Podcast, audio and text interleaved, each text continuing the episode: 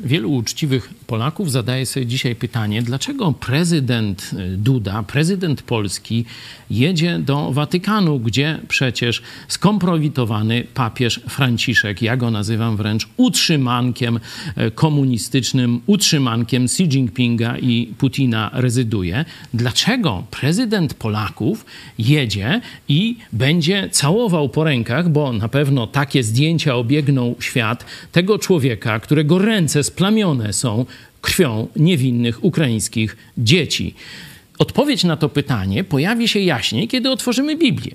Biblia pokazuje, że oczywiście nie wyjdziemy z tego świata, będziemy mieć kontakt z przeróżnymi złymi ludźmi, ale są pewne granice. Jeśli ktoś zbyt ostentacyjnie głosi fałsz albo popełnia jakieś zbrodnie, to uczciwi ludzie dystansują się od niego. Przykład taki możemy znaleźć na przykład w drugim liście Jana w dziesiątym wersecie, to jest jednorozdziałowy.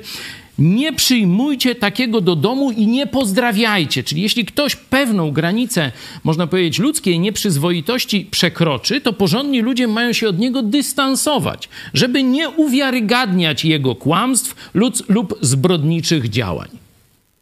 Przed wojną, parę dni, Duda pojechał uwiarygadniać Putina i Xi Jinpinga na otwarcie tej pseudoolimpiady. Teraz, po miesiącu zbrodni Putina, kiedy papież dalej nie zajął jasnego stanowiska, a wręcz niekiedy popiera zbrodni, zbrodniczą cerkiew moskiewską i samego tego arcyłotra Putina, on jedzie pocałować papieża w pierścień. Nie jest to walka o sprawiedliwość, nie jest to walka o Polskę. Jest to co najwyżej marne wspieranie swojej pozycji w jakichś instytucjach międzynarodowych albo coś dużo gorszego.